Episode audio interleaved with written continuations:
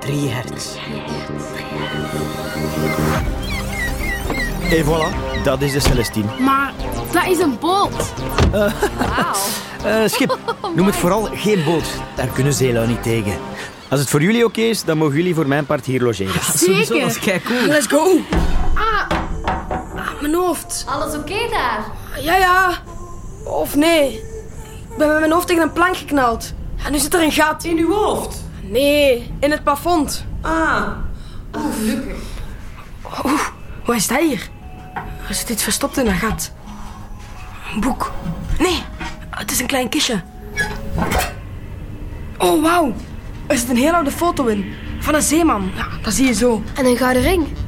Met een ankertje eraan. een kleine ring wel. Zeker van een kind. Maar nee, het is een oorring van een zeeman. Vroeger droegen ze dat bijna allemaal. Ja, klopt. Denk je dat die oren van de man op de foto is? Misschien. Eén ding is zeker. De inhoud van het kistje is heel belangrijk voor de persoon die het hier verstopt heeft. Ja, duidelijk.